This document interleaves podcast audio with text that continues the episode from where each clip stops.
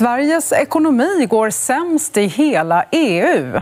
I botten på minus 0,8 procent. Svensk ekonomi går sämst i hela EU. Sverige har även Europas femte högsta arbetslöshet och nu avskedas generaldirektören för migrationsverket under stora protester. Påverkar migrationspolitiken Sveriges ekonomi? Hur hanterar egentligen Sveriges förvaltning migrationspolitiska kostnader? Och vad händer med ett samhälle som vägrar kännas vid sina ekonomiska begränsningar? Dessa frågor tar jag upp i veckans video om migrationens pris. Uppskattar du mina filmer så hjälper du mig att kunna fortsätta göra dem om du stöttar mig via något av betalningsalternativen här nedanför. Det är endast tack vare ert generösa och frivilliga stöd som jag kan fortsätta att utveckla denna kanal, så ett stort, stort tack till alla de av er som bidrar. Idag talar jag om migration, integration och om stagnation. Häng med!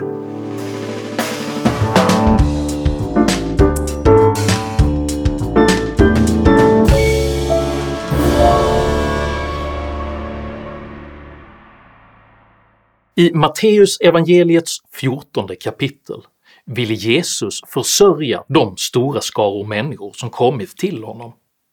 Jag känner stort medlidande med dessa människor, de har varit hos mig länge och har inget att äta. Jesu lärjungar ställer sig dock pragmatiskt frågande till denna givmildhet.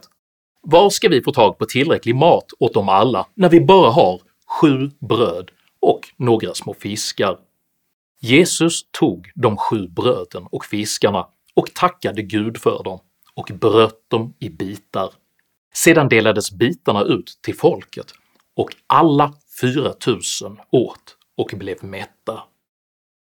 De flesta av oss vanliga dödliga åtnjuter dock inte Messias obegränsade resurser utan måste istället försöka balansera moraliska önskningar mot verklighetens förutsättningar. Det tidiga 2010-talets migrationspolitik kan i detta ljus sägas ha präglats av en form av messiaskomplex, där önskan att agera som en humanitär stormakt blev så stark att även de mest försynta antydningar om en underliggande ekonomisk verklighet förkastades som en acceptabel brist på moral. När dåvarande migrationsminister Tobias Billström år 2013 dristade sig att nämna att invandringsvolymen påverkade integrationskapaciteten blev han därför hårt angripen. För några dagar sedan så sa du volymen måste sänkas för såväl den höga asylinvandringen som anhöriginvandringen. Varför vill du minska invandringen till Sverige? Nu har ju Moderaterna tillsatt en arbetsgrupp för att titta på integrations och migrationsfrågorna i ett sammanhang. Och det är väldigt viktigt att man i det eh, sammanhanget kommer ihåg att de volymer av människor som kommer till Sverige påverkar bägge de här två områdena. Och vi kan se att det finns ett utrymme för en diskussion om hur man skulle kunna påverka volymerna av de som kommer till Sverige. Anna Hedenmo frågar nu påtagligt perplext om Billström verkligen menade att integrationsförmågan skulle påverkas av migrationens storlek. Så vad du säger är att integrations, integrationen eh, blir svårare eller blir underlättas om det är färre som kommer? Kan man säga så? Jag tror att det är rätt få som skulle våga förneka att det är en väldigt stor skillnad på att försöka integrera 1000 personer respektive 10 000 personer. Detta är ett tidstypiskt exempel på hur ekonomiska och resursmässiga förutsättningar uppfattades vara småsinta oförskämdheter när migrationsfrågan debatterades. Denna attityd uttryckte även Sveriges dåvarande statsminister Fredrik Reinfeldt. Fredrik Reinfeldt går nu emot sin egen migrationsminister. Moderate migrationsministern Tobias Billström har ju tidigare hävdat att vad han kallade volymen av invandrare bör minskas. Men idag säger Reinfeldt att han inte alls håller med. Det kan inte vara utgångspunkten. Invandring berikar Sverige. Ett väldigt viktigt värde att människor kan komma till Sverige. Statsministerns besked till Tobias Billström är att han ska sluta tala om hur man kan försvåra för asylsökande att få skydd i Sverige. Även om moderata kommunpolitiker eh, klagar över att eh, det kommer för många hit för att de ska klara av det. Kravet att Billström skulle upphöra med sin oönskade migrationsproblematisering trots att flera kommuner redan hade meddelat att man inte längre klarade av migrationsflödena var dock inte nog. Flera medier krävde även att Billström helt skulle sparkas ut ur regeringen för sitt ofina prat om att storleken har betydelse. Man vill ju helt enkelt att du ska ta hårdare tag mot, eh, mot Tobias Billström. Kan du tänka dig att eh, helt enkelt sparka ut Tobias Billström ur regeringen? Jag tyckte att jag sa igår det som behövde sägas i det här ärendet. Snarare har vi ju tillfört reformer. I närtid tog vi beslutet bland annat om att utsträcka möjligheten till sjukvård för den som också befinner sig i Sverige utan tillstånd. Regeringens utsträckande av välfärdssystemen även till de som vistades olagligt i landet speglade den för tiden generaliserade föreställningen att all migration var en lönsam affär, men där alla försök att räkna på det hela samtidigt betraktades som moraliskt oacceptabla. Ni vill kartlägga människor. Varför? Ska vi börja kartlägga människor med funktionshinder också, för att kunna säga hur mycket de kostar? Människor kostar inte pengar, människor berikar våra samhällen.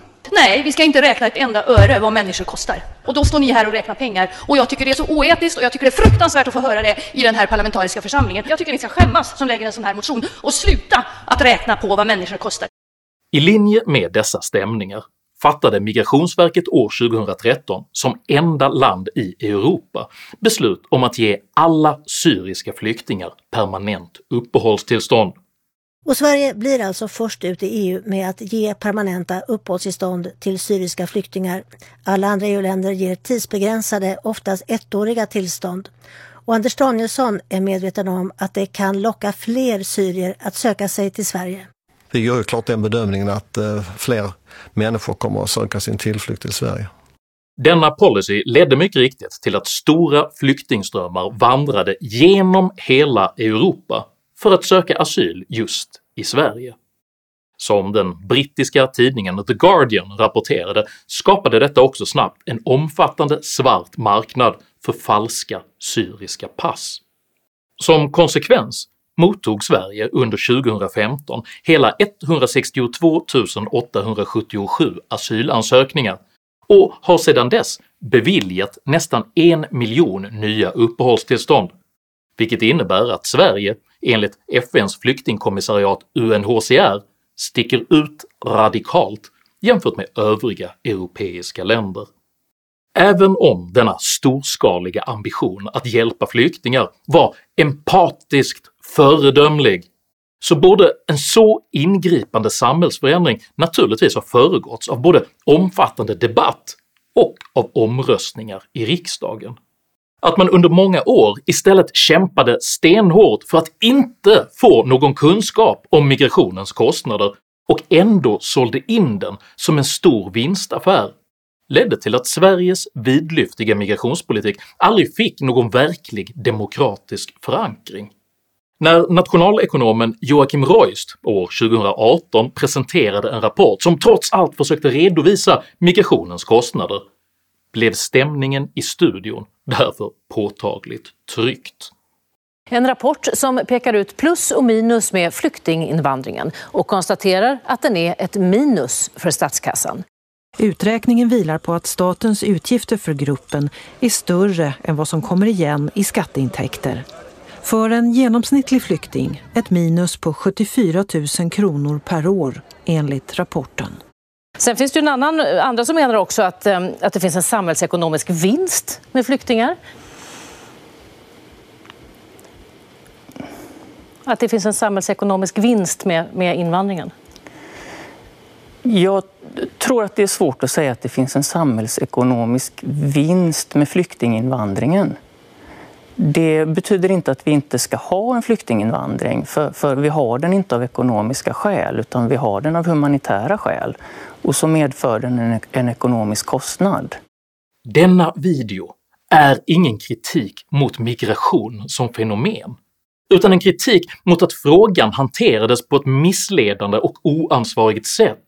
För precis som Röst säger så har vi inte flyktinginvandring för att den ska vara lönsam, utan av humanitära skäl. Istället för att förhindra kostnadsanalyser borde politiker ha tagit fram robusta prognoser för migrationens samhällspåverkan och sedan låtit väljarna ta ställning till hur rikets resurser borde prioriteras. Detta hade förankrat migrationspolitiken demokratiskt och transparent genom att göra folket till stakeholders i den förda politiken, istället för att alienera den allt större del av väljarkåren som nu känner sig migrationspolitiskt bedragna. 2015 kollapsade så slutligen den gränslösa synen på Sveriges mottagarkapacitet i en tårfylld tillställning där den motvillige statsministern Stefan Löfven tvingades bli galjonsfigur. Bästa sättet att hjälpa mina eh, miljöpartistiska kommunalråd är att, att ändå göra någonting. Mm. Jag vill gärna understryka också att det är, det är svårt för båda partier, precis som Åsa Romson sa tidigare. Det är inte så att eh, Socialdemokraterna sitter och längtar efter att vidta de här åtgärderna. Under normala omständigheter räknar Sverige både volymer, människor och kostnader rörande exakt allt från funktionsvariation till konsumtionen av isglass. För faktum kvarstår. All politik innebär prioriteringar av hur oändliga behov ska dela på ändliga tillgångar. Och det stod snart klart att den svenska välfärdsstaten inte alls hade Messias oändliga resurser.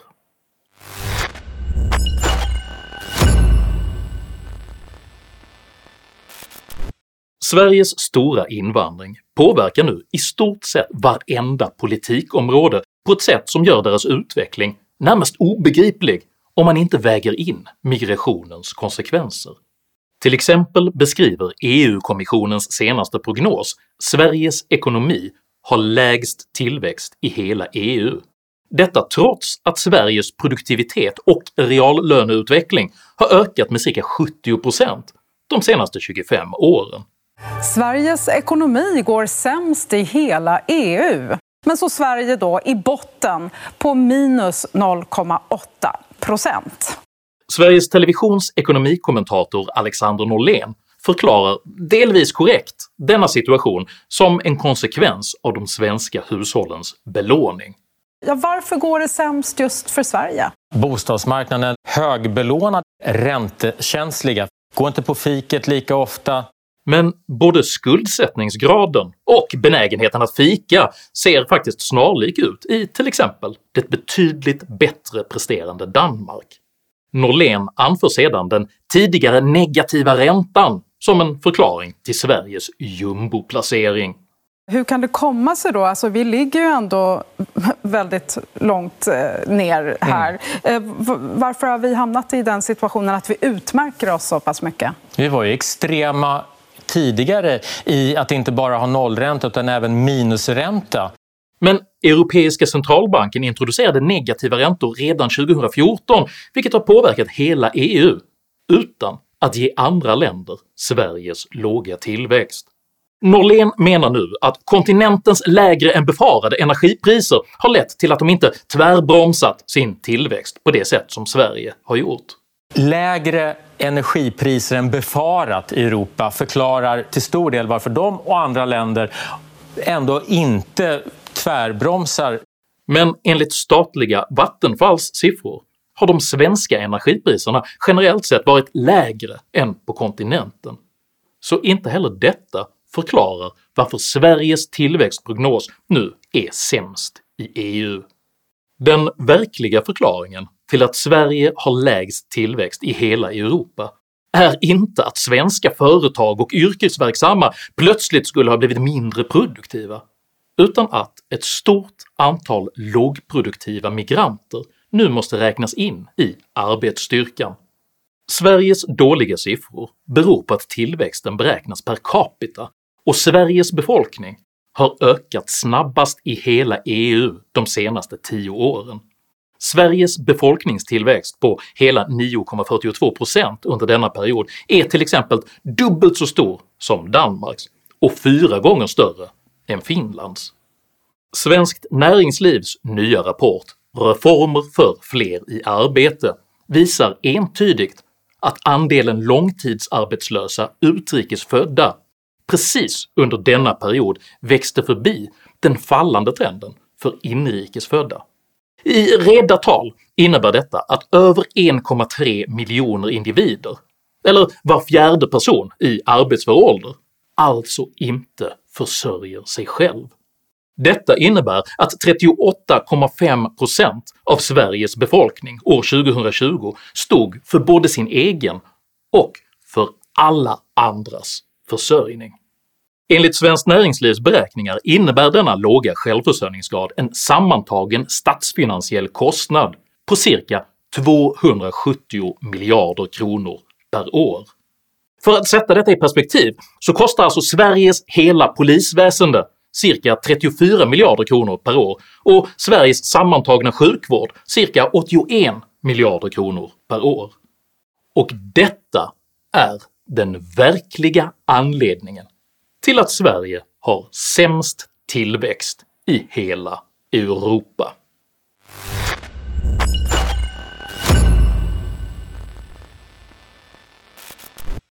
Migrationsverkets inriktning påverkades starkt av 2010-talets politiska ovilja att beakta de resursmässiga förutsättningarna för Sveriges unikt vidlyftiga migrationspolitik.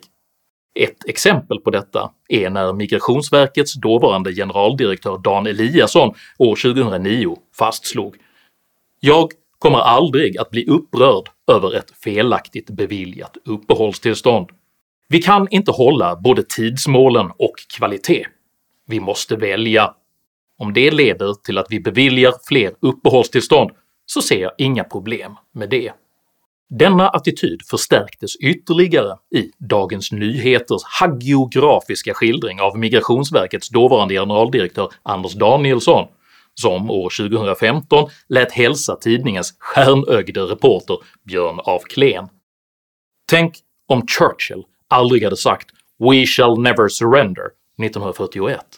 Tänk om han istället hade sagt “Vi är illa ute grabbar, det är nog kört”. Det handlar om ledarskap. Nu är det dags att ta ytterligare ett steg framåt. Det är ju nu systemet prövas. Det är nu vi ska hålla i det. Systemet är designat just för såna här situationer, och vi har råd. Men systemet var inte designat för just såna här situationer, och en massiv överrekrytering av idealistiska migrationshandläggare gav snart upphov till stora systemiska brister i hanteringen av både uppehållstillstånd och asylärenden. Journalisten Henrik Sjögren skriver i tidningen Fokus “En kultur av pinnjakt rotade sig på migrationsverket under de intensiva åren, där antalet avslutade ärenden blev ett viktigt lönekriterium. Migrationsverkets tidigare beslutsfattare Anna Högberg beskriver situationen Pinnjakten blev vansinnig, och den fortgår ännu, så vitt jag vet, inte bara för de anställda individerna utan för hela avdelningar. Chefer på alla nivåer behövde visa uppåt hur många ärenden de klarade av.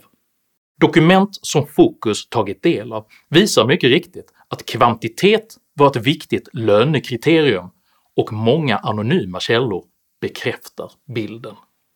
En annan anonym källa berättar år 2016 “Jag möter dagligen kollegor som inte vill något annat än att ge permanent uppehållstillstånd åt alla. Vad gäller syrierna och de som säger sig komma från Syrien har det satts i system att många av dem får uppehållstillstånd som flyktingar fastän de inte uppfyller kraven. I en intern rapport från 2017 framkom att en stor mängd av tillstånden i så kallade anknytningsärenden byggde på felaktiga beslutsunderlag. I kategorin “nyetablerade relationer” är 28% av beslutsgångarna i de beviljade ärendena uppenbart felaktiga. I ytterligare 10% av fallen är det oklart om utgången är rätt. Fyra år senare visade även riksrevisionen på stora brister i just anknytningsärendena. Dessa hade då seglat upp som det näst vanligaste skälet till uppehållstillstånd, 39 000 år 2020. Denna växande anhöriginvandring redovisades sedan i stort sett aldrig som en del av Sveriges asylstatistik, trots att den utgjorde den allt större delen av Sveriges invandring. Med detta organisatoriska arv i bagaget beslöt nyligen Sveriges nya högerregering att inte förlänga Mikael Ribbenviks förordnande som generaldirektör för Migrationsverket. Det var igår som SVT kunde berätta att Migrationsverkets generaldirektör Mikael Ribbenvik inte får förnyat förtroende när hans uppdrag går ut i maj. Varför får inte Mikael Ribbenvik vara kvar? Mikael Ribbenviks förordnande går ju nu ut om eh, ja, 1 juni. Då. Eh, och han har suttit länge på myndigheten. Vi genomför väldigt stora förändringar av svensk migrationspolitik och då tycker vi att det också är dags för nya ögon, ny energi och nya idéer. Och Jag noterar att det finns anställda på Migrationsverket som har väldigt starka åsikter. Detta är en politiskt rimlig justering eftersom Tidöpartiernas demokratiska mandat till stor del bygger på en stark folklig önskan om förändring på det migrationspolitiska området. Ja, alltså det fanns ju en anledning till att eh, 2015 att 163 000 personer reste genom hela Europa till lilla Sverige i norra Europas utkant. Eh, det berodde delvis på att vi stack ut när det gällde att bevilja permanenta uppehållstillstånd direkt. Men det berodde naturligtvis också på andra generösa regelverk där vi sticker ut och det gör vi när det gäller välfärden. Det har ju till och med varit så att svenska myndigheter har marknadsfört det här utomlands. Här får man väldigt generösa barnbidrag och flerbarnstillägg. Hanteringen av generaldirektörbytet beskrevs i tidningen Arbetsvärlden som okontroversiellt av förvaltningsrättsprofessor Olle Lundin. När det gäller Ribbenvik handlar det om ett förordnande som gick ut och inte förlängdes. Då har regeringen fria händer och det är inte så mycket att bråka om. Detta hindrade dock inte vänsteroppositionen från att utmåla bytet av generaldirektör som ett hot mot själva demokratin. När sverigedemokraten Björn Söder beskrev bytet av generaldirektör som att “städa upp” uppfattade exempelvis oppositionspolitikern Ardalan Shekarabi formuleringen som ett hot mot Sveriges generaldirektörer. Oppositionen har reagerat kraftigt på Björn Söders uttalande. På det här sättet så hotar en företrädare för Sverigedemokraterna Sveriges myndighetschefer. Vi kan inte ha en sån utveckling. Justitieministern måste träda fram, försvara myndighetscheferna, försvara svensk grundlag och den tradition som vi har i svensk statsförvaltning. Det finns ju en, en, mängd vittnesuppgifter som talar om att det har varit eh, väldigt, väldigt bristfällig verksamhet på vissa områden. Både den före detta TT-reportern Ove Nilsson och den statsvetarmärkte socialdemokraten Ulf Bjäreld drog genast paralleller med ungersk totalitarianism. Den temperamentsfulla twittraren Annika Strandhäll tyckte sig å sin sida se ett känt mönster från andra länder där liknande partier släppts fram till makten, vilket avslutades med den olycksbådande pendangen “Det går fort nu”. Det är i sammanhanget intressant att notera att Strandhäll själv prickades av konstitutionsutskottet för att på politiskt opportunistisk grund ha avskedat Försäkringskassans generaldirektör Ann-Marie Begler mitt under ett pågående förordnande. I detta agerande såg samme Ulf Bjereld dock inga som helst ungerska tendenser alls, utan konstaterade istället att “regeringen har rätt att avsätta och tillsätta generaldirektörer. Man kan tycka det var ett bra eller dåligt beslut att avsätta Begler, men det var inte odemokratiskt. Denna halsstarriga dubbelmoral visar att frågan varken handlar om utnämningar eller ens om Sveriges demokrati, utan om makt. För om den nya regeringens politik faktiskt lyckas åstadkomma den efterfrågade förändringen av Sveriges migrations-, integrations och kriminalpolitik genom att introducera krav och åtminstone ett litet mått av ekonomiskt ansvar, då innebär detta inte bara ett underkännande av den tidigare förda politiken, utan även ett underkännande av hela den socialistiska ideologins syn på människan som offer. Och utan denna maktrelation, där ständigt multiplicerande socialistiska kommandohöjder lyckas övertyga ett offerskapskollektiv om att endast de sitter på de obegränsade resurser som kan frälsa hela världen ifrån ondo, då har vänstern ingen väg tillbaka till makten alls.